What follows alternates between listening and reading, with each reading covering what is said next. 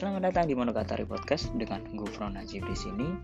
Sebagai namanya Monogatari Podcast, Monogatari adalah cerita, podcast adalah podcast. Jadi Monogatari Podcast adalah cerita podcast Gufron Najib yang tinggal di Jepang. Ya, Monogatari artinya cerita. Jadi Gufron Najib itu tinggal di Jepang udah 4 tahun lebih. Jadi di podcast ini aku akan menceritakan pengalaman aku selama 4 tahun tinggal di sini jadi buat kalian yang suka kejepangan bisa follow Monogatari Podcast dan tunggu episode selanjutnya ya. Bye bye.